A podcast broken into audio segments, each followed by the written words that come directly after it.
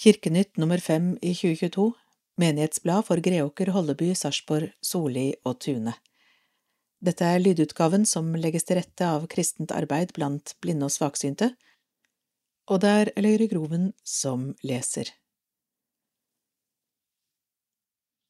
Overskuddsmarmor fra Olavsøylen er blitt til to sidealtre i Sarpsborg kirke, av Tom Helgesen. Marmoren til Sarpsborg kirkes to nye sidealtre er hentet ut fra det som trolig er det samme steinbruddet som de originale søylene i fødselskirken i Betlehem er hentet fra.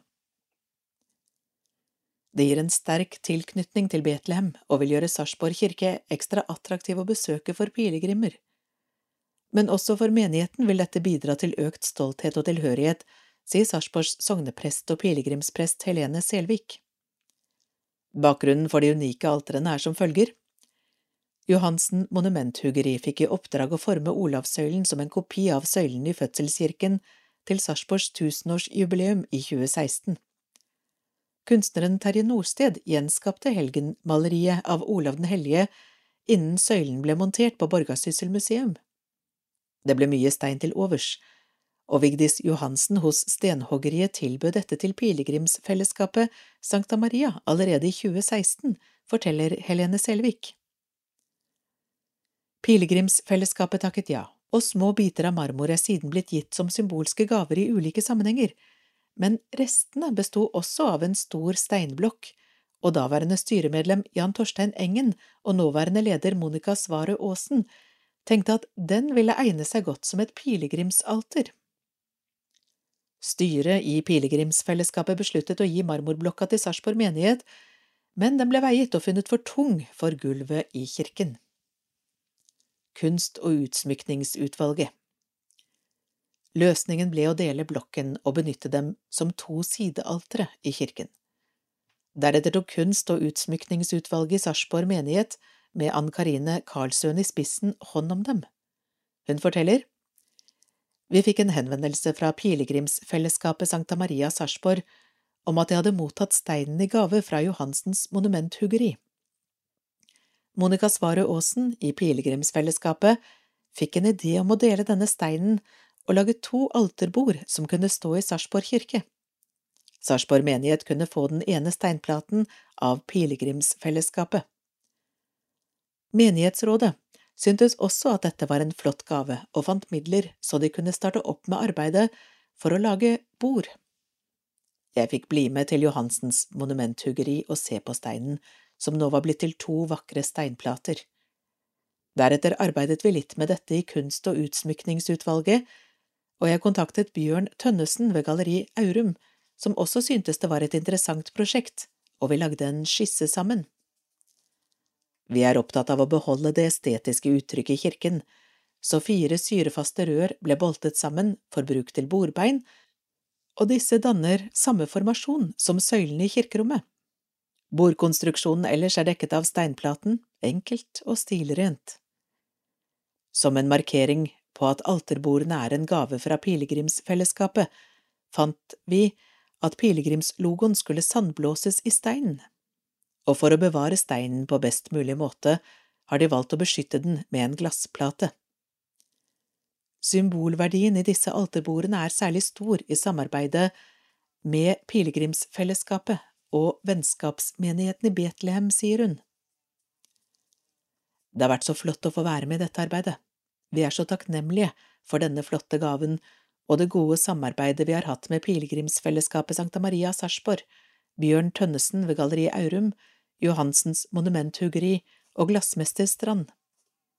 En stor takk går også til Sarpsborg kommune for det økonomiske bidraget de har gitt.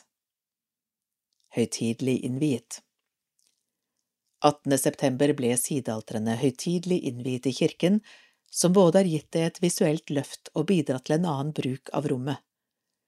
Men først og fremst ligger det mye symbolikk i dem, sier Helene Selvik. Jerusalem er det ultimate målet for alle pilegrimer. Disse alterene har en tilknytning til søylene i Betlehem, som er Sarpsborgs vennskapsby, som vil gjøre dem til et attraktivt sted å besøke for dem som er ute og går. I tillegg til å ønske pilegrimer velkomne, håper jeg de vil bidra til at også menigheten i økt grad trekkes dit for å tenne et lys og vekke ettertanker. Slik vil alterene skape identitet og styrke eierforholdet og stoltheten til kirken ytterligere. Selvik synes det er stas at kirken blir fornyet på denne måten, og føler de passer godt inn i rommet. Alle i pilegrimsfellesskapet er veldig stolte av resultatet, og det er ekstra morsomt at dette kommer fra et frivillig initiativ. Veiviser, vil du bidra til et inkluderende fellesskap? Vil du vite mer om muligheter for frivillig arbeid? Vil du hjelpe flyktninger og andre? Vil du oppleve meningsfylte oppgaver og lære noe nytt? Kirkens Bymisjon vil ønske nye frivillige velkommen til Veiviser. For mer informasjon kan du kontakte Jorunn Askerød.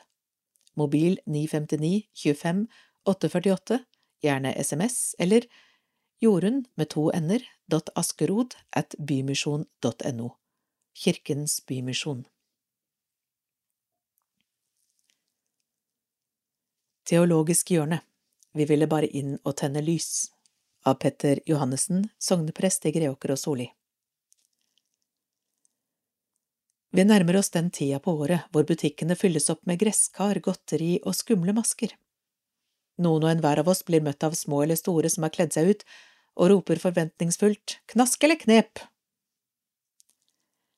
Midt i dette er det en annen skikk, som kanskje står enda sterkere i den norske folkesjela enn halloween, og det er lystenning. Å tenne lys er noe mange setter pris på, kanskje særlig i forbindelse med allehelgensdag. Det er noe fascinerende over det. Hva er det lystenning gjør med oss?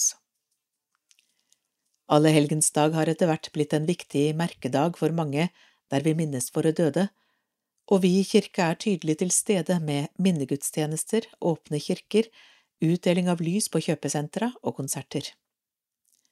Og et viktig rituale for mange er å tenne lys. Vi tenner lys på grava, i kirkene og i hjemmet. Lys har alltid vært i bruk i kirkene og har en dyp forankring i tro og tradisjon.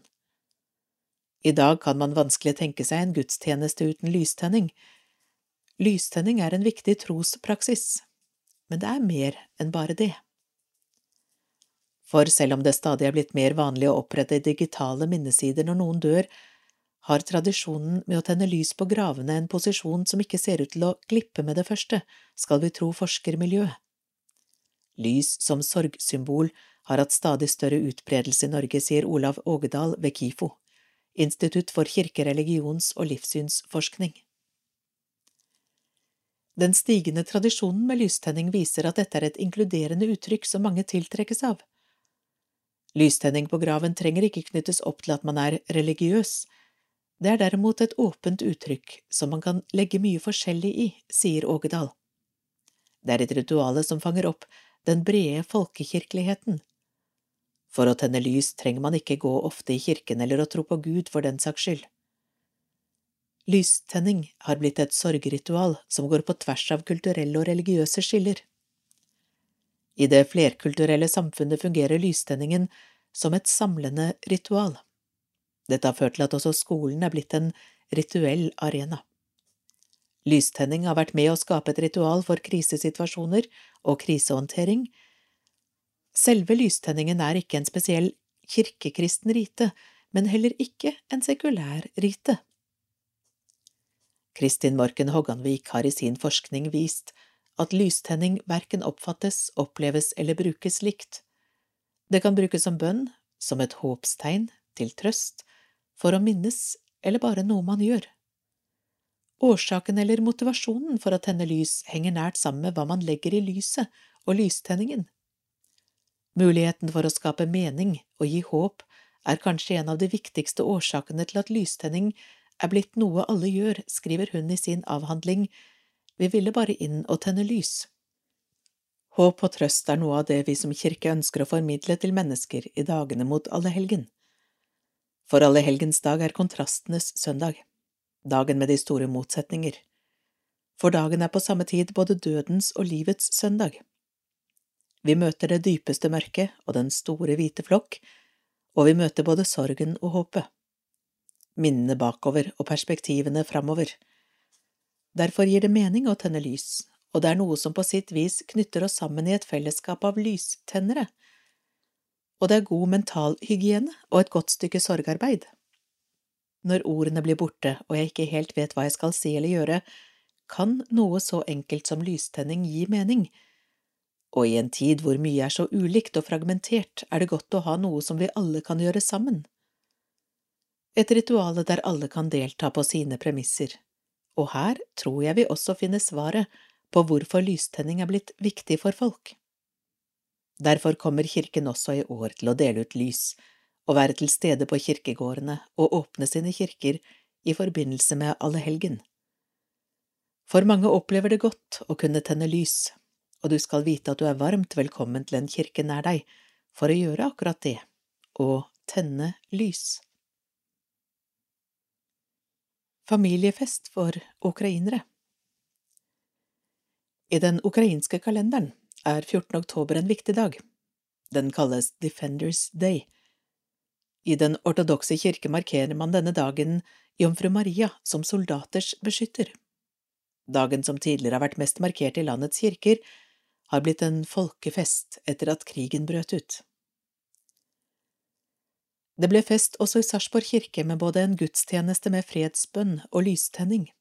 Bordene var pyntet med solsikker, som er nasjonalblomst i landet, så var det servering av blant annet ukrainsk borsj, rødbetsuppe. Napoleonskake hørte også med. Klovnen gjorde stor lykke blant barna.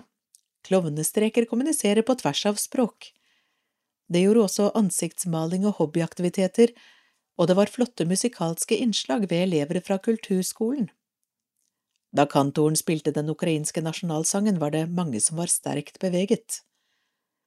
De tre diakonene i Sarpsborgs menigheter planla arrangementet sammen med ukrainsk forening og fikk god hjelp av representanter fra diakoniutvalg og menighetsråd til gjennomføring.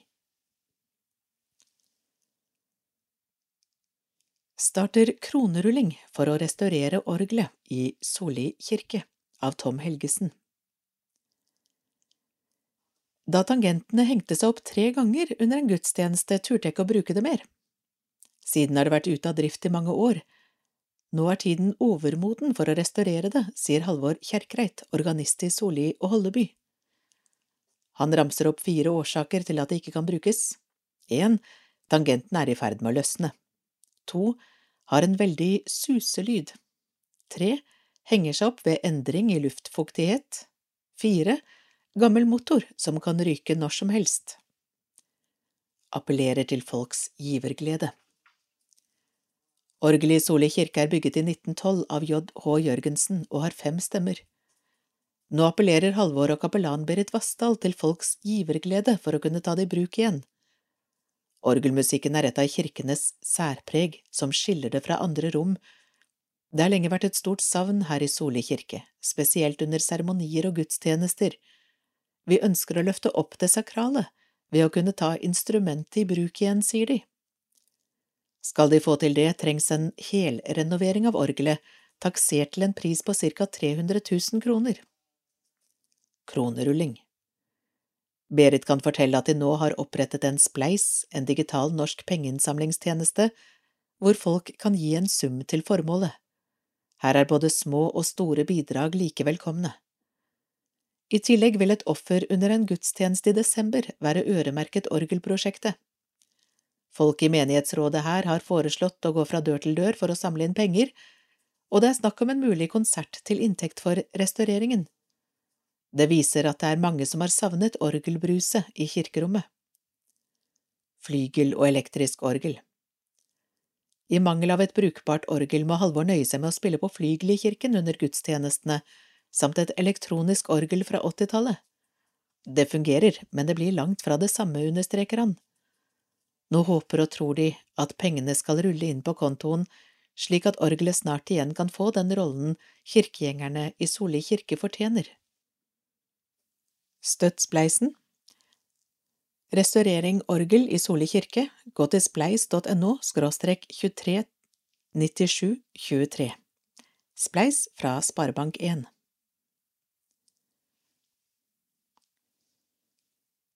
Folketonemaraton i Holleby og Soli Søndag 13. november vil den syngende organisten i Holleby og Soli kirker fremføre samtlige 66 norske folketoner med alle vers, som man finner i Norsk salmebok 2013 i de to nevnte kirkene. Fremførelsen starter i Holleby kirke klokken 16, og Halvor vil synge den første halvdelen av repertoaret i kronologisk rekkefølge, der frem til ca. klokken 18. Så går ferden videre til Soli kirke, der siste halvdel av repertoaret vil bli framført fra klokken 19 og frem til ca. klokken 21. Konserten eller konsertene er lagt opp slik at folk kan komme og gå underveis, mens folketonene blir presentert og man vil få utdelt salmebok for lettere å kunne følge med på teksten. Det er selvsagt frivillig om man vil møte til én eller begge kirker. Halvor Kjerkreit fikk inspirasjon til prosjektet ved å følge med på NRK sin storsatsing Salmeboka minutt for minutt i 2014. Året etter fremførte han samtlige 66 norske folketoner i Norsk salmebok i Råde kapell. Konserten fikk stor oppmerksomhet og trakk godt med folk. Noen var med fra første til siste tone, andre var innom underveis. Målet med prosjektet er å få løfta fram denne verdifulle kulturskatten i ei tid der kjennskapen til dette stoffet er i ferd med å forsvinne. Folketonemaraton er støttet av Sarpsborg kommune. Det er mulig å gi kollekt ved utgang eller via VIPS. Torsdagsmiddag Velkommen. Vi inviterer til middag en torsdag i måneden i Greåker kirke. Store og små er hjertelig velkomne til en enkel samling med felles middag, lek og hygge. De voksne får anledning til å drikke kaffe og slå av en prat mens barna leker. Her håper vi det blir gode muligheter for å kunne slappe av litt og ha det hyggelig. Når? 10. november og 8. desember klokken 16.30 til 18. Hva er torsdagsmiddag? Enkelt opplegg hvor den som har lyst, kommer og spiser middag sammen med kjente og ukjente. Vi spiser klokka 16.30 og rydder av bordet ca. klokka 17.15. Kaffen kommer på bordet, og barna leker. Vi avslutter med en liten samling rundt lysgloben. Klokken 18 sier vi takk for nå. Torsdagsmiddag er gratis, men man kan gi en slant hvis man har lyst. Velkommen til salmekveld i Kulandkirken. Sarpsborg menighet arrangerer sin tredje salmekveld torsdag 17. november klokken 19 i Kulandkirken. Salmekveld er en fantastisk måte å bli kjent med salmer på. I sangboka er det mange flotte salmer, og her blir vi kjent med bredden. Salmene er ofte små troshistorier som kommer fram på en annen måte under en slik kveld. Salmene introduseres med litt informasjon og bakgrunn, og det knyttes gjerne noen tanker til dem, med Karl Andreas Næss og Helene Selvik som bidragsytere. Vi forsøker å legge det opp slik at det er en rød tråd gjennom kvelden, sier de. På en salmekveld treffer vi hverandre på en annen måte enn på gudstjeneste, det er mer avslappet, og vi blir glade av å synge. Om du vil ønske deg en salme i forkant, kan du sende mail, så forsøker vi å få til det. bs732 at kirken.no, sier de. Det blir også salmekviss med premier. Barnesiden ved Eileen Stang, Håvard Øyestad Løvik, Kristin Tollefsen og Inger Marie Syverstad Hagen. Dikt alle mine kosedyr brer jeg dynen over, kenguru og pusekatt slumrer snart og sover. Når du våker, kjære Gud, hele lange natten, kan jeg sove like trygt som kenguru og katten. Miniandakt Nå har det blitt høst ute. På trærne har bladene begynt å skifte farge. Etter hvert så faller de av, og trærne ser kanskje litt triste ut, men så kommer våren, og da spirer det på nytt.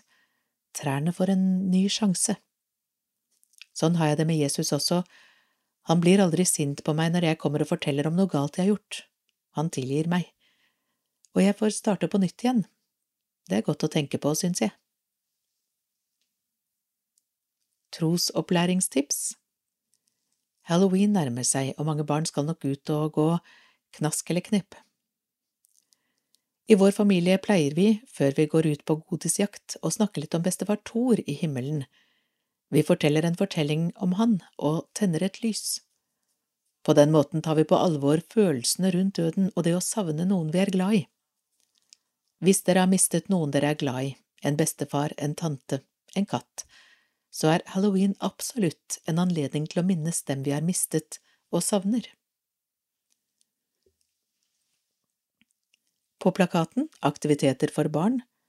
Null til ett år babysang. Tune kirke torsdager klokken 11.30 Sarpsborg kirke torsdager klokken 11 Sang og kos for babyer og far eller mor. Kirken.no Tune påmelding. Kirken.no Sarpsborg påmelding. Tune Henrik Brusevold 402 38 802 Sarpsborg Karl Andreas Næss 922 17 505 Ett til tre år Tune kirke 13. november klokken 11 Småbarnsgudstjeneste. Kristin Tollefsen 477 52 505 Ett til fire år Småbarnssang Greåker kirke onsdager klokken 17.15 til 18.30 Sang for de minste barna sammen med én eller flere voksne. Info kirken.no skråstrek Greåker påmelding. Marianne Ervum 920 81 285 Ett til fem år barnesang Sarpsborg kirke, onsdager klokken 17 til 17.30 og 18 til 18.45. Sang, rim, regler og ulik rytme. Sunniva Berg er kursholder. Info kirken.no skråstrek Sarpsborg. Påmelding Eileen Stang 413 75 771. Fire til seks år barnesang. Greåker kirke, onsdager 17.15 til 18.30. For barn som liker å synge. Fra fire år til skolealder. Deretter kan man starte i barnekoret. Henrik Brusevold 402 38 802 Fire til tolv år barneklubb.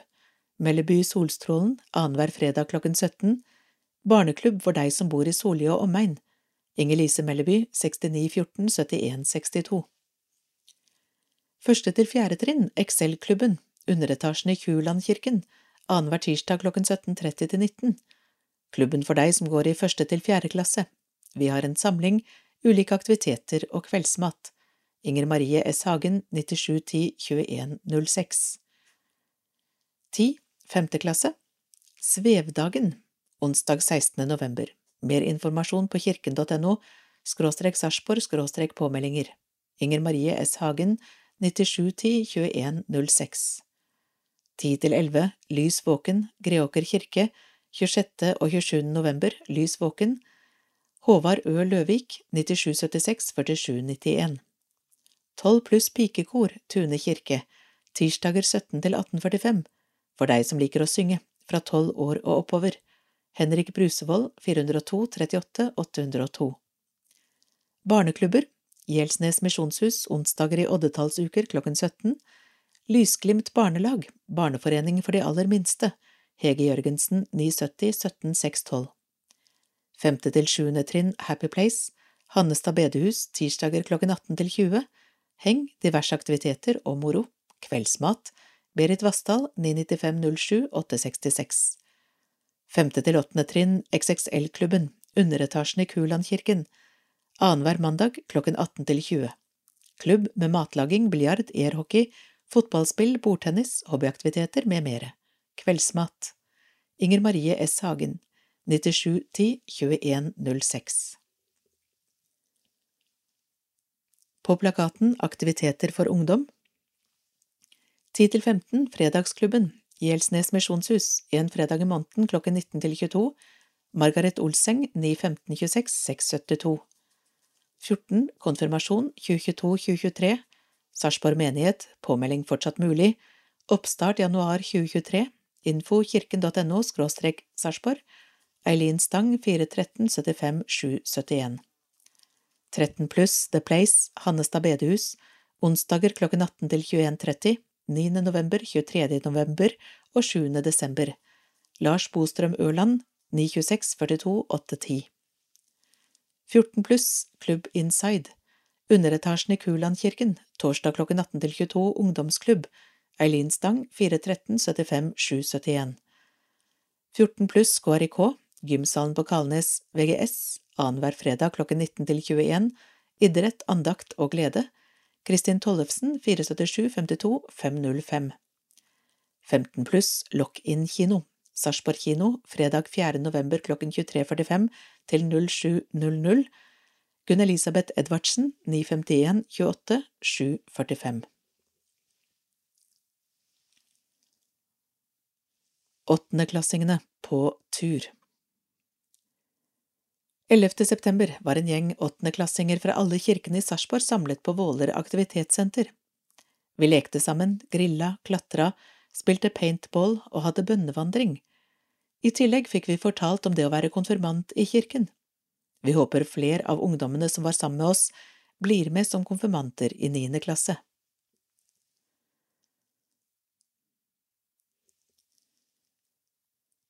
Hva må du forholde deg til når døden rammer en nær deg? av Tom Helgesen Før eller senere rammer døden en av våre nære og kjære. Døden kan være ventet, og den kan komme som et sjokk. Uansett hvordan det skjer, utløser det en rekke problemstillinger du som pårørende må forholde deg til. Hvilken kirkegård skal vedkommende begraves? Skal det arrangeres syning? Skal det være kistebegravelse eller kremasjon? Når skal begravelsen finne sted? Hvordan skal seremonien være? Hvilke etater må kontaktes? Og mye, mye mer. Et dødsfall involverer en rekke personer og instanser, helt fra det inntreffer til begravelsen eller bisettelsen har funnet sted. Kirken og prestene har en svært sentral rolle, både som budbringer av dødsbudskapet og gjennomføring av seremonien. Hvor finner dødsfallet sted? Hvor dødsfallet finner sted er avgjørende for hvilke handlinger som utløses for både prest og begravelsesbyrå. Om dødsfallet skjer utenfor hjemmet eller en institusjon, er det som regel presten som er budbringer til den eller de nærmeste pårørende på vegne av politimyndigheten. På dagtid er det den lokale presten sitt ansvar. Skjer det utenom ordinær arbeidstid, er det vedkommende prest som har beredskapsvakt som blir kontaktet, og for en kort brifing om hendelsesforløpet forteller sogneprest Petter Johannessen, som selv jevnlig må ut for å gi den tunge beskjeden på døra. Det er naturligvis mange ulike reaksjoner hos dem som mottar dødsbudskapet. Prestens viktigste rolle er å være til stede og vise medmenneskelighet, sier han. Jeg spør gjerne om de har noen de kan ringe. Vi kan også bistå med krisehjelp ved behov og som følges opp av den stedlige presten. Ved enkelte alvorlige hendelser vurderer kommunen om det skal settes inn kriseteam. Først når presten føler det er forsvarlig å forlate den eller de pårørende, og gjerne oppfordrer dem til å kontakte et begravelsesbyrå, er budbringeroppdraget utført. Samtale om seremonien Gravferdsloven sier at en gravferd skal holdes senest ti virkedager etter dødsfallet. Når dato, tid og sted for begravelse eller bisettelse er bestemt, er det den lokale presten som er på jobb den aktuelle dagen, som overtar ansvaret og oppfølgingen. Jeg tar kontakt med de pårørende så raskt som mulig for en samtale, enten hjemme hos dem eller her på kontoret. Mange er i behov for å prate om det som har skjedd, så det blir en kombinasjon av sjelesorg og en samtale om det praktiske rundt seremonien, slik som minnetale, om presten skal holde talen alene eller i kombinasjon med andre, om det er ønskelig at noen legger en rose på kisten og så videre. Mange prester sender gjerne minnetalen til de pårørende på forhånd, både for å sjekke at den er i tråd med det de ønsker, samt for å skape forutsigbarhet. For å skrive en troverdig minnetale er jeg selvsagt avhengig av hva jeg får av input. Noen ganger opplever jeg dype konflikter og uenigheter i familien som kan være både krevende og ta mye tid, men som prest forsøker jeg alltid å få til en verdig og god avskjed. Sorgoppfølging Når det gjelder sorgoppfølging, er diakonene også sterkt inne i tillegg til prestene. I tillegg er det et godt utbygd tilbud om sorggrupper gjennom Sorg og omsorg, minner han om.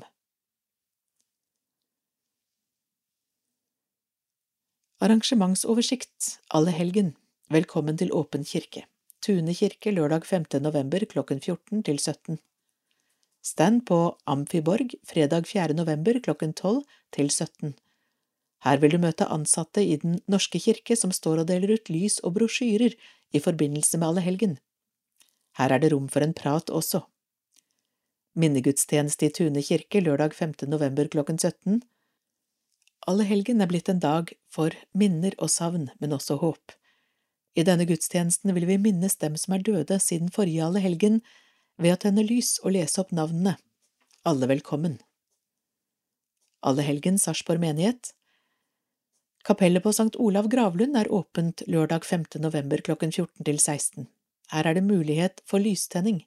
Prester og diakon med flere er til stede for den som ønsker samtale. Gudstjeneste i Sarpsborg kirke søndag 6. november klokken 11. Her vil vi minnes alle som har gått bort siste året ved at navnene leses opp. Allehelgenskonsert i Sarpsborg kirke søndag 6. november klokken 18 med Carl Christian Kure, Per Christian Ruud Engrav, St. Croix strykekvartett, Fredrik André Olsen og Sarpsborg Kammerkor, dirigent Carl Andreas Næss, tekstlesning ved Helene Selvik og Terje Brevik, billetter kroner 200 på Ticketco og ved inngangen.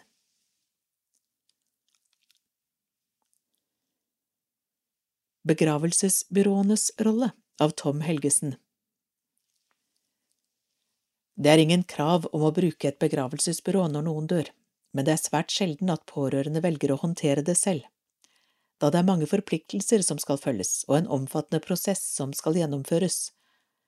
Vi kan påta oss det aller meste av praktiske gjøremål og være en støtte i sorgen, sier Benjamin Norling og Jarle Nilsen, henholdsvis daglig leder i Sarpsborg begravelsesbyrå Jølstad og daglig leder i begravelsesbyrået Tore E. Nilsen. Når dødsfall skjer i hjemmet, tar de pårørende gjerne raskt kontakt med et lokalt begravelsesbyrå. Noe av det første byråene spør om, er om de har kontaktet lege. Det er kun en lege som kan stadfeste døden. Inntreffer dødsfallet på dagtid, er det fastlegen din du skal ringe, ellers er det legevakta, opplyser de. Legen registrerer dødsfallet digitalt, og beskjed går videre til folkeregisteret. Deretter kan det valgte begravelsesbyrået slippe til. Vi møter mennesker i sorg, derfor er det ekstra viktig å møte dem med respekt, omsorg og varme. Vi er gjerne de første de samtaler med etter dødsfallet. Før kroppen blir fraktet ut og kjørt til kjølerommet på helsehuset, blir det avtalt tid for konferanse for å planlegge seremonien. I konferansen spør vi alltid hva familien tenker rundt seremonien, for å avdekke deres ønsker og behov, sier Jarle. Og vi utfordrer dem gjerne, da det er for sent å angre på valgene etterpå. Derfor legger vi fram alle alternativene, for deretter å bli enige om hva vi kan bistå dem med, sier Benjamin. Begravelsesbyrået kan påta seg alt det praktiske knyttet til seremonien. Dette favner varsling av alle nødvendige instanser, blomster til kisten, gravsten, dødsannonse, bestilling av ønsket solist, trykte programmer, frakting av kisten etc. Vi planlegger fram mot seremonien. Etter det håper vi at familien sitter igjen med at dette var en verdig og fin avskjed, for så å kunne gå videre. Anbefaler syning. Byråene kan gjennomføre syning, og både Jarle og Benjamin anbefaler at det blir gjort. Syning er alltid et tema under konferansen slik at de pårørende kan ta et valg. Er de i tvil, bør de absolutt gjøre det. Vi opplever at mange etterpå sier at de er glade for at de gjorde det, sier Jarle.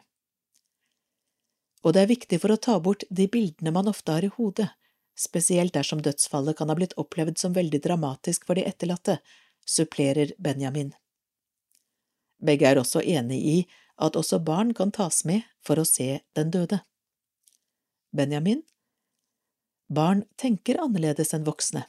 Jeg anbefaler at de helst bør foreta seg noe når de er der, som for eksempel å ha med seg en rose eller et kosedyr de legger i kisten. Jeg har også opplevd at jeg har hatt snøballkrig med barnet etterpå, mens de voksne fortsatt var inne i kapellet, sikkert en måte for barnet å avreagere på. Jarle, hvordan de voksne reagerer under syningen har mye å si for barnas opplevelse, derfor kan det være greit at de går inn først og deretter henter inn barna. Om dødsfallet skjer på en helseinstitusjon, blir de pårørende ofte tilbudt syning der. Da møter de gjerne begravelsesbyrået først under konferansen.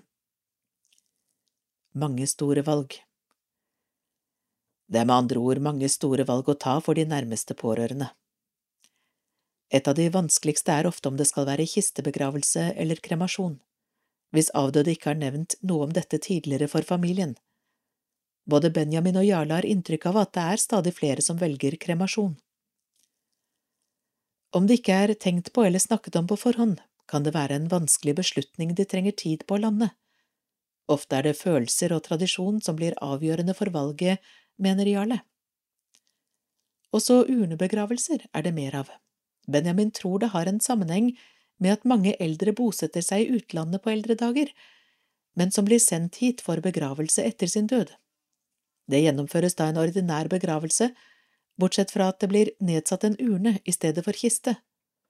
Man har en tidsfrist på seks måneder fra dødsfall til urnenedsettelse. Alle har rett til fri grav. Det er avdødes folkeregistrerte adresse som avgjør hvor man har rett på grav. Gravstedet kan enten være en fri grav, festegrav, familiegrav, eller man kan søke om askespredning. Noen har også en familiegrav hvor familiemedlemmer blir begravet samlet. Det er da vanlig med kremasjon og at urnene begraves under samme gravmonument. Hvilken type grav og gravplass man velger, avhenger av avdødes og pårørendes ønsker. Avdøde personer med bosted innen Sarpsborg kommune kan gravlegges på hvilken som helst av gravplassene i kommunen, med unntak av Ingedal gravplass. Alle innbyggerne i Sarpsborg kommune har rett til fri grav. Hvem bestemmer? Ifølge gravferdsloven er det den avdødes nærmeste etterlatte over 18 år som har rett til å besørge gravferden og bestemme i begravelsen, i følgende rekkefølge ektefelle, barn, foreldre, barnebarn, besteforeldre, søsken, søskens barn og foreldres søsken. Av og til opplever begravelsesbyråene at det er uenigheter hos de pårørende om hvordan seremonien skal gjennomføres, om å mekle mellom frontene. Som regel klarer vi å løse det i minnelighet som begge parter kan akseptere. Noen ganger må jeg minne om at dersom de ikke kan bli enige, er det som siste utvei kommunen som går inn og bestemmer, sier Jarle. En sjelden gang vokser uenighetene til dype konflikter, forteller Benjamin. Jeg har opplevd både å måtte arrangere to konferanser og to seremonier i kirken, men det er heldigvis ytterst sjelden. Arrangementer Samlinger i Greåker, Solli, Tune og Holleby menigheter Lande bosenter, formiddagstreff første torsdagen i måneden fra klokken 11 til 13, torsdag 3. november klokken 11, Lisbeth H. Gregersen andakt, Liv og Egil Nordengen musikk og historier. Torsdag 1. desember klokken 11 gruppe fra Skjeberg Mannsmusikk, sang og andakt. Greåker kirke musikkafé Fellesskap med mye sang, musikk og god bevertning. Her er det personer med bistandsbehov som er spesielt velkommen. Lørdag 29. oktober klokken 12 jubileumskonsert med Renate og Morten Gjerløv Larsen. Lørdag 3. desember klokken 12 juleprogram, sang og musikk med Inger-Lise og Reino Andersen. Berit Vassdal holder andakt. Melleby grendehus Stedet å treffe sambygdinger til en god prat over en kopp kaffe siste torsdagen i måneden fra klokken 12 til 14, bevertning og utlodning. Trenger du skyss, ring kirkekontoret dagen før, telefon 407 01 700, pris kroner 40. Torsdag 24. november klokken 12, Jane Østgaard deltar, Prøysen-opplesning og salg av julekort, Kjersti Jostem spiller. Møteplassen Tune kirke Dette er et internasjonalt treffsted for hele familien. Vi møtes på tvers av kultur og religion, vi snakker norsk, bygger nettverk og spiser middag sammen gratis. Tirsdagene 15. november og 13. desember klokken 17 til 19. Brunsjen i Tune kirke Treffstedet for deg over 60 Kafeteria Liturgisk avslutning Første onsdag i måneden klokken 11.30 til 13 Onsdag 2. november, i hellige fotspor til Trøndelag, Pilegrimsleden gjennom Østfold, daglig leder i Borgleden pilegrimssenter, Line Kjølberg. Andakt Eplehagen bofellesskap, onsdag 9. november og 30. november klokken 11, Hannestatuene dagsenter, torsdag 3. november, 17. november og 1. desember klokken 10.30. Tingvoll sykehjem, torsdag 3. november, 17. november og 1. desember klokken 11.30, Valaskjold omsorgssenter, torsdag 10. november, 24. november og 8. desember klokken 11.30. Lande bedehus November Tirsdag 1. november klokken 11 Misjonsmøte NMS Dagens gjest er Svein O. Nikolaisen Søndag 6. november klokken 18 Møte Andakt Bo Johannes Hermansen sang av Lande Musikkforening, kaffe etter møte. Fredag 11. november klokken 18, sangkveld, besøk av Rakkestad-teamet, pølser, kaffe og kaker, utlodning, mye sang og musikk. Onsdag 16. november klokken 11, formiddagstreff, Øystein Skaar og gruppe fra Greåker frikirkes Mannsmusikk, formiddagsmat, utlodning. Onsdag 23. november klokken 18, hyggeaften, andakt ved Terje Berg, sang og musikk ved Salen Halden, kveldsmat, utlodning. Hannestad bedehus Oktober, søndag 30. klokken 18, søndagsmøte, Jon FR Andersen deltar. November, onsdag 2. klokken 19, konsert, Inga Mai Hørnberg og Lennart Sjøholm. Torsdag 10. klokken 11.30, formiddagstreff, Martin Lund taler og synger. Søndag 13. klokken 18, søndagsmøte med tale av Ellen Lindheim Slettevold. Søndag 27. klokken 18, søndagsmøte med Tore Schwartz Olsen. Melleby grendehus, november, 7. og 8. november, Hans Bergane, fire bibeltimer, helliggjørelse. Sarpsborg kirke, tekstgjennomganger Velkommen til tekstgjennomganger i Sarpsborg kirke. Vi går igjennom søndagens tekster sammen, og en av prestene er med. Samlingene varer fra klokken 13.30 til 14.30, med kaffe og enkel bevertning. Neste samling 17. november. Bønnesamlinger Greåker kirkestue, fredager klokken elleve. Vi spiser lunsj i etterkant av samlingen. Ta med matpakke. Samlinger i Sarpsborg menighet, sykehjemsandakter Kirken er til stede på institusjonene våre med andakter og andre arrangement. På Kruseløkka og Kuland sykehjem er det andakt annenhver torsdag klokken elleve, normalt i partallsuker, på Kuland bofellesskap tilsvarende i oddetallsuker. Det er samtalegrupper på Karl Johans gate og på Kruseløkka sykehjem en gang hver måned, og like ofte har vi Kirkens hyggestund i Tranes gate bofellesskap. Det er prestene og diakonen som har ansvar for dette i samarbeid med frivillige pianister med flere. Om noen har ønske om samtale, ta gjerne kontakt med oss på kirkekontoret. Formiddagstreff Kulandkirken. Vi samles andre tirsdag i måneden klokken 11.30 til 13.30 til fellesskap, foredrag, formiddagsmat, loddsalg, sang og andakt. November, 8. november, Åse Saltbones, Egil Hovland, Mennesket og musikken. Møteplassen Velkommen til Tune kirke. Vi ønsker å være et sted der mennesker møtes på tvers av kultur og religion og blir kjent med hverandre, der hele familien kan komme sammen, vi kan spise sammen, vi kan snakke norsk sammen, vi kan lære av hverandre. Vi møtes i Tune kirke disse tirsdagene, 15. november og 13. desember klokken 17 til 19. Ta kontakt for mer informasjon, diakon Kjersti Kjelle, telefon 48 09 77 47, diakon Ragnhild Stranden, 934 61 595. Velkommen til Kristent kvinnefellesskap på tvers. Vi ønsker å samle kristne kvinner fra ulike menigheter og med bakgrunn fra mange land til et fargerikt fellesskap der vi kan bli bedre kjent med hverandre og dele tro og tradisjoner, kunnskap, sang og musikk. Vi begynner med enkel kveldsmat og samles deretter om et tema, med en innledning og samtale. Sarpsborg kirke 17. november klokken 19. Kari Bergerud, Integrering i kirke og samfunn. Varmt velkommen, arrangør Metodistkirken, Sarpsborg menighet, Kirken. Gudstjenester Greåker kirke 30. oktober, bots- og bønnedag, Lukas 15, 11–32 Klokken 11, gudstjeneste ved Berit Vassdal, dåp og nattverd, skyss 40 70 17 17 5. november, allehelgen, Lukas 6, 20–23, klokken 17 Felles minnegudstjeneste i Tune kirke, for alle som bærer på sorg og savn, menighetenes prester og diakon.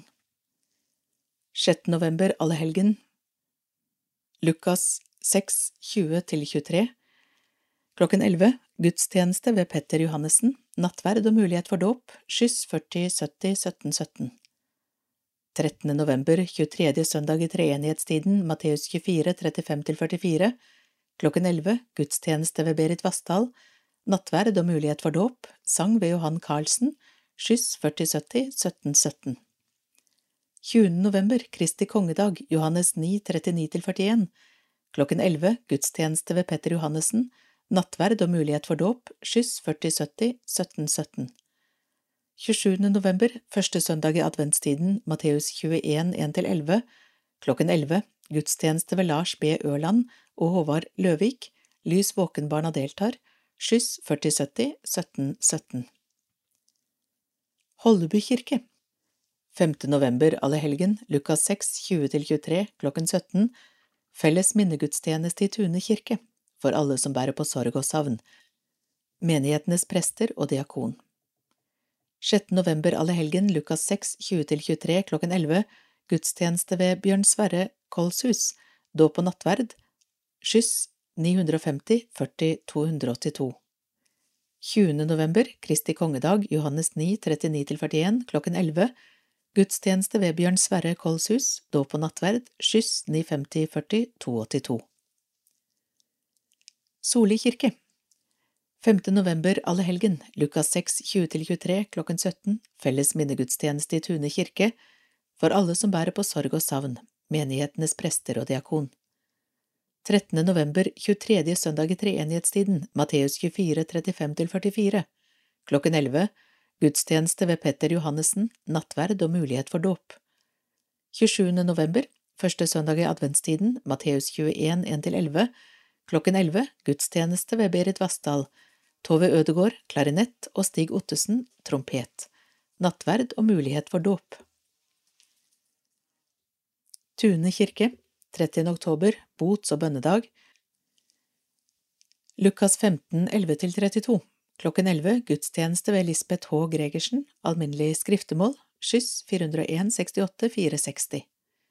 5. november allehelgen, Lukas 6, 20–23 Klokken 14 åpen kirke, klokken 17 felles minnegudstjeneste, for alle som bærer på sorg og savn. Menighetenes prester og diakon, Ole Herman Huth, fiolin og Katrine Iversen, sang. 6. november allehelgen, Lukas 6, 20–23 Klokken 11 gudstjeneste ved Lisbeth H. Gregersen, nattverd, vokalensemble Koda deltar, skyss 401 68 460. 13. november, 23. søndag i treenighetstiden, Matteus 24, 35–44 Klokken 11 småbarnsgudstjeneste ved Lisbeth Heie Gregersen og Kristin Tollefsen, dåp, skyss 401 68 460. 20. november, Kristi kongedag, Johannes 9, 39–41, klokken 11, gudstjeneste ved Berit Vassdal, dåp, skyss 401 68 460. 27. november, første søndag i adventstiden, Matteus 21, 1–11, klokken 11, gudstjeneste ved Lisbeth Heie Gregersen, avskjedsgudstjeneste for sogneprest Lisbeth Heie Gregersen, Tune kirkes pikekor deltar, skyss 401 68 460. Sarpsborg kirke, 30. oktober, bots- og bønnedag, Lukas 15, 11–32, klokken 11, gudstjeneste ved Espen Feilberg Jacobsen, dåp og nattverd, takkeoffer til menighetens misjonsprosjekt. 1. november klokken 8, morgenmesse ved Helene Selvik. 6. november, allehelgensdag, Lukas 6, 20–23, Klokken 11 gudstjeneste ved Espen Feilberg Jacobsen, nattverd, takkoffer til sorg og omsorg i Sarpsborg. 13. november, 23. søndag i treenighetstiden, Matteus 25, 34–35, klokken 11 fellesgudstjeneste i Metodistkirken, nattverd, Helene Selvik preker, takkoffer til Stefanusalliansen. 20. november, Kristi kongedag, Johannes 9, 39–41, klokken 11 gudstjeneste ved Espen Feilberg Jacobsen, nattverd, takkoffer til menighetsarbeidet, klokken 13 dåpsgudstjeneste. 27. november, første søndag i adventstiden, Matteus 21, 1–11. 11. Gudstjeneste ved Helene Selvik, dåp og nattverd. Grålum Vokalis synger, takkoffer til barne- og ungdomsarbeidet. NMS med misjonsmesse på Stenbekk Misjonsmessen til NMS arrangeres lørdag 5. november, også i år på Stenbekk misjonssenter. I lang tid har både enkeltpersoner og arbeidsgrupper jobbet med å forberede arrangementet. Jeg tror at vi nok en gang får varer til messen som er etterspurt. De siste årene har småkaker, honning og bær vært populære salgsvarer, forteller misjonskonsulent Unni Holm Olsen. Hun legger til at det også er flotte håndarbeider samt gaveartikler som selges. I mange år hadde Misjonsselskapet sin messe i festiviteten i Sarpsborg sentrum. Den er nå flyttet til Stenbekk misjonssenter. Situasjonen med korona gjorde at NMS måtte tenke litt nytt. Opplegget er mer bærekraftig. Vi opplever videre at messen på Stenbekk har fått inn mer penger de to siste årene enn på lenge. Det er mest på grunn av at foreninger og enkeltpersoner gjør en stor innsats med salg av lodder på forhånd til den store utlodningen med mange flotte premier. Program klokken 11 til 14 Utlodning med mange flotte gevinster. Salg av småkaker, honning, bær, håndarbeider, gaveartikler, åresalg, gratis kaffe og vafler, salg av pølser. Klokken tolv sang og musikk ved Åse Lem Sandvik og Jostein B. Olsen, Misjonsglimt. Klokken 14 trekning. Konsert med Inga Mai Hørnberg og Lennart Sjøholm, Hannestad bedehus onsdag 2. november klokken 19. Mange av oss husker Inga Mai fra 70- og 80-tallet, da hun var på det mest aktive som sanger. Det var vel bare Evy av kvinnelige sangere som var like populære i Norge og Sverige som Inga Mai. Inga Mai har gitt ut hele åtte innspillinger, og flere av dem ble bestselgere i Norge. Mest kjent er hun kanskje for sangene Kom inn i Guds solskjen og Tenk at få vakna, Sistnevnte er en oversettelse av Cat Stevens Morning Has Broken, som Inga Mai selv satte teksten til. Hun jobbet i mange år som programleder i TV3 og ble blant annet kjent som stemmen til barnefiguren Skurt. Inga Mai gjør gjerne kirkekonserter og har blant annet deltatt på skjærgårdssang i Langesund. Med seg på konsertene har hun sin ektemann Lennart Sjøholm, som er hennes pianist. Lennart er en av Sveriges mest kjente musikkprodusenter, og har blant annet hjulpet artister som Carola, Roland Utbult, Rune Larsen, Evi, Pelle Karlsson og Koralerna. Fra Bach til bedehus, Greåker kirke søndag 20. november klokken 19. Familien Haarr Kjerkreit fra Råde har tidligere trukket fulle hus med sine konserter. Fra Bach til bedehus består av klassiske duetter fra bedehusrepertoaret, instrumentale småstykker og fellessang. Familien har tidligere gjestet fem av Sarpsborgs kirker, men det er første gang de opptrer sammen i Greåker kirke. Velkommen til en lun kveldstime på siste søndag i kirkeåret. Kollekt Arrangør Greåker menighet Musikkafeen 30 år Jubileumskonsert Elvis og kongen En akustisk historie om den største av dem alle med Morten Gjerløv Larsen, Renate Gjerløv Larsen, Trond Gilberg. Greåker kirke 29. oktober klokken 12. Gratis inngang, kollekt. Grønn spalte, Too good to go? spørsmålstegn, av Mona Bø. Best før, ofte god etter. Vi har vel alle sett at det på flere og flere varer står best før, ofte god etter, best før, ikke dårlig etter, og se lukt smak. Hvis du ikke har sett disse variantene, så ta en ekstra titt når du handler. Dette kan redusere matsvinnet hjemme hos deg. Men hva gjør butikkene? Det er faktisk slik at mer enn en tredjedel av all produsert mat i verden kastes. Det er dårlig nytt for jorda vår. Ifølge FN var det ved årsskiftet ca 830 millioner som sultet, og det var før krigen i Ukraina og før brødet ble tredoblet i pris i Mali. Hele 2,3 milliarder mennesker sliter med å finne nok. Det er vanskelig å forstå at vi allikevel kaster bort spiselig mat hver eneste dag. Med god fordeling er det nok til alle. Too Good To Go gjør alt de kan for å hjelpe matbransjen med å kutte matsvinn. Det gjør man ved å bruke mat som er til overs. Ved hjelp av en app så får vi mulighet til å redde mat fra butikker og spisesteder over hele landet til en rimelig pris. Hva gjør du? Last ned appen som heter The Good To Go. Det er inngangen til denne tjenesten. Oppdag fristende overskuddsmat til rundt en tredjedel av prisen, kanskje rett rundt hjørnet for der du er. Hent forundringsposer med mat til overs fra butikker, hoteller og spisesteder. Nyt maten du har reddet. Hjelp til å begrense matsvinnet, både for butikker og hjemme hos oss selv.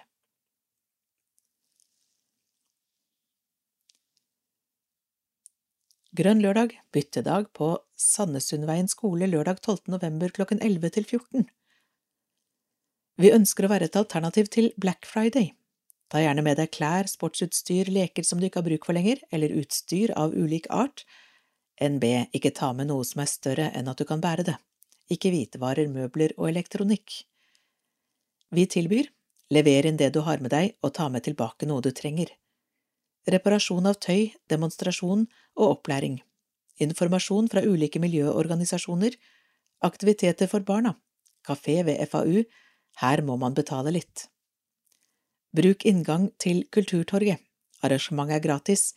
Bytting er økonomisk, praktisk, miljøvennlig og hyggelig. Til ettertanke, hvis alle nordmenn byttet til seg tre plagg i året i stedet for å kjøpe nytt, ville vi kuttet like mye CO2 som om alle bileiere i Norge lot bilen stå i fem dager, Naturvernforbundet. Arrangør Den norske kirke Sarpsborg ved Grønne utvalg, FAU Sandesundveien skole. Velkommen til demensvennlig gudstjeneste i Tune kirke, onsdag 23. november klokken 11.30. Dette er en gudstjeneste for alle, men mennesker med demens og deres pårørende er spesielt velkomne. Det blir gudstjeneste med liturgi, salmesang, nattverd og kirkekaffe. Ved spørsmål ta kontakt med Demensteamet på 99 20 58 30 eller diakon Kjersti Kjelle 4809 77 47. Dersom du trenger skyss, ta kontakt på 4809 77 47. Velkommen! Arrangør Greåker Holleby Soli og Tune menigheter i samarbeid med Demensteamet i Sarpsborg. En jul å glede seg til. Mange familier går en tøff tid i møte. Din støtte kan gi barn som Ida en tryggere jul. Vips en gave til 1330. Gi på konto 3201 52 74 165 Blå Kors. Byens hjerteslag En kveldsmesse med samtale, musikk, lystenning og nattverd. Sarpsborg kirke søndag 20. november klokken 19. Tema Folk og røvere i Sarpsborg by. Vi kan alle få bruk for en god forsvarer. Gjest i sofaen denne kvelden Harald Ottestad, advokat. Byens hjerteslag, Kirkens Bymisjon, Den norske kirke.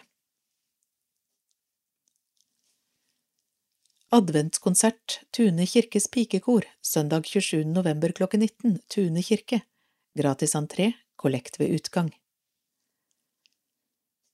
Sykurs redesign av tøy, Reparasjon Vi møtes lørdag 12. november på Sandnessundveien skole klokken 10 til 14.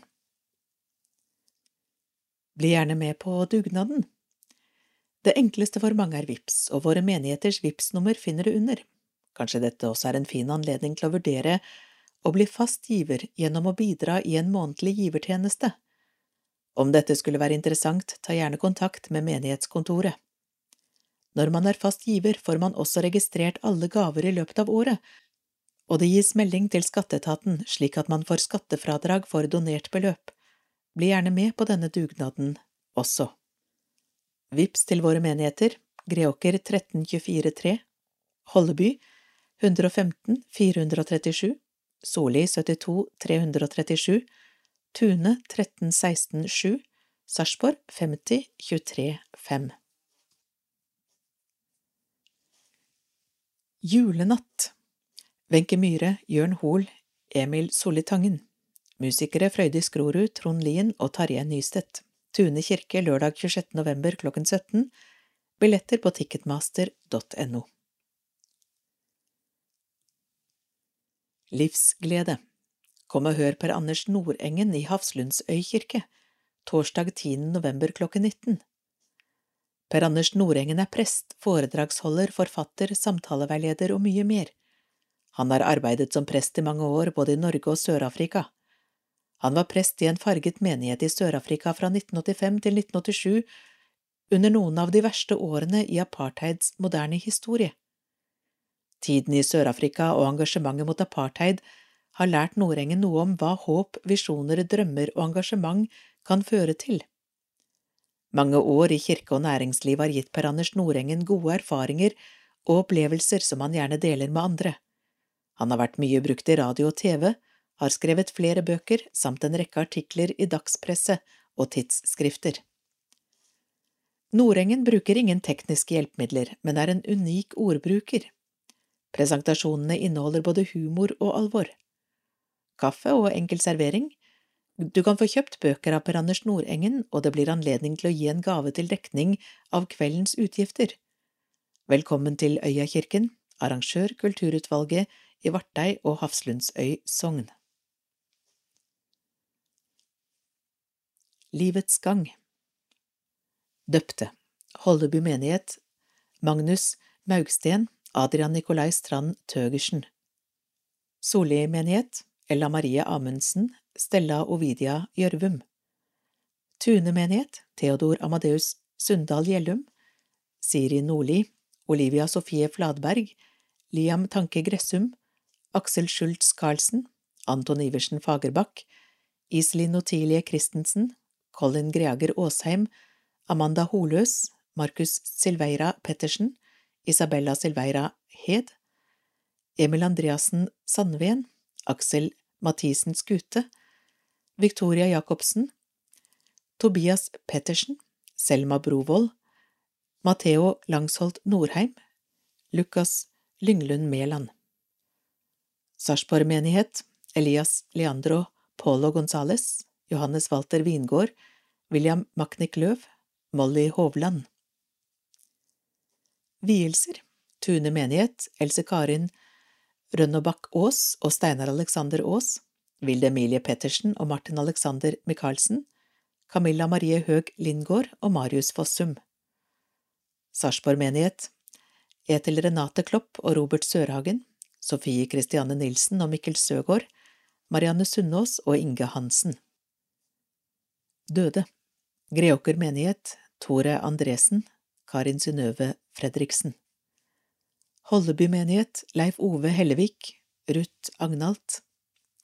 Sarpsborg menighet Kjell Erik Jensen Charles Martin Haglund Gunnar Karstensen Ragnhild Rostad Inger-Lise Bjerke Ruth Borghild Berg Synnøve Vollheim Alf Willy Johannessen Else Marie Larsen Øystein Setrum Olav Irene Andersen Trond Solgård Hege Harstad Karin Blakkestad Solli menighet Tom Berg. Tune menighet Arne Skaar. Reidun Irene Jacobsen. Ingar Gabrielsen. Per Egil Johansen. Inger Kristine Bjørnstad. Paula Alexandra Halvorsen. Yngvar Strand. Vingespenn Kulandkirken 20. i 11. klokken 18 Skjærgårds Live Sarpsborg. Billetter på livesarpsborg.no Forbereder årets julemesse på Varmestua av Tom Helgesen Den tradisjonelle julemessen på Varmestua finner sted 26. november med start klokka 11. Allerede nå er forberedelsene godt i gang, forteller assisterende daglig leder og miljøarbeider Kjersti Seljehammer.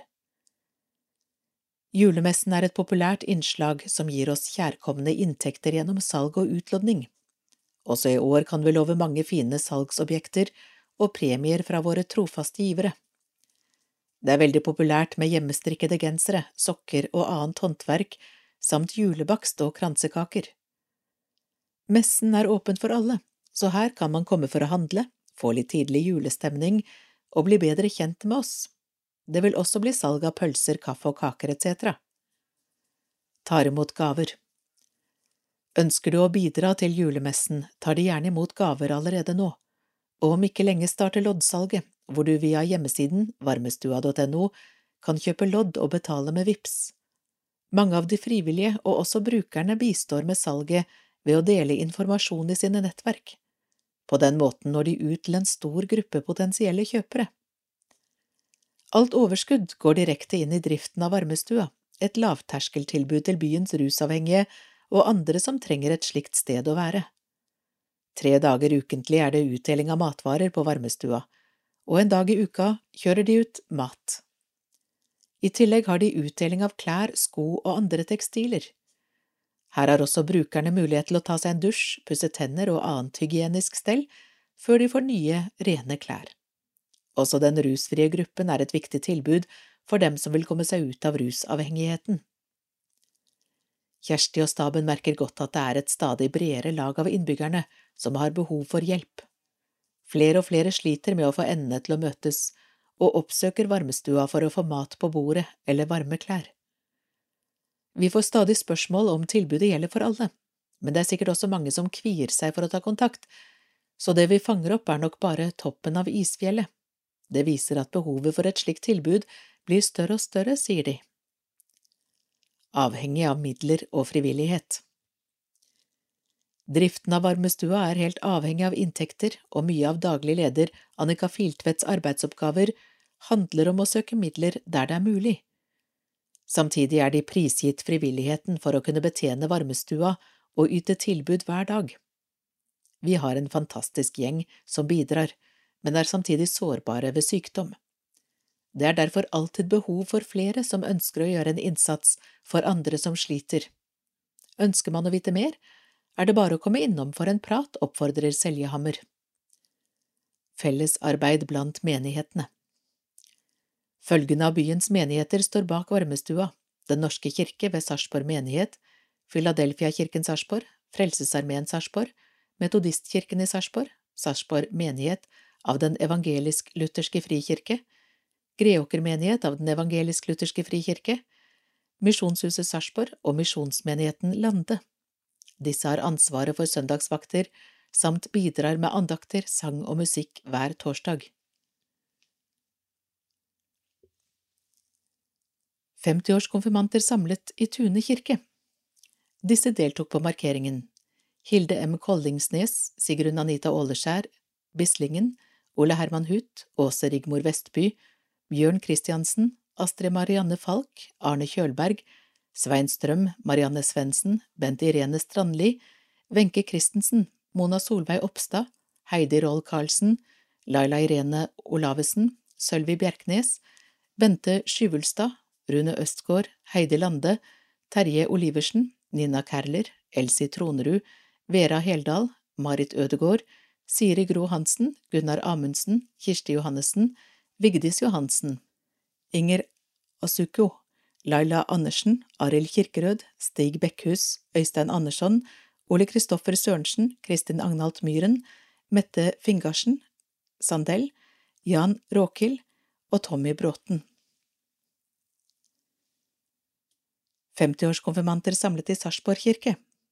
16. oktober var disse samlet til fellesskap og hygge. Vibeke Pedersen, Marie Dahl, Ingrid Sivesin Melum, Anne Halvorsen, Ingrid Wiig Nilsen, Hans William Horne, Wenche Signe Karlsen, Linda Langdal, Kjersti Farholm, Hege Bølviken, Arild Hansen og sogneprest Helene Selvik.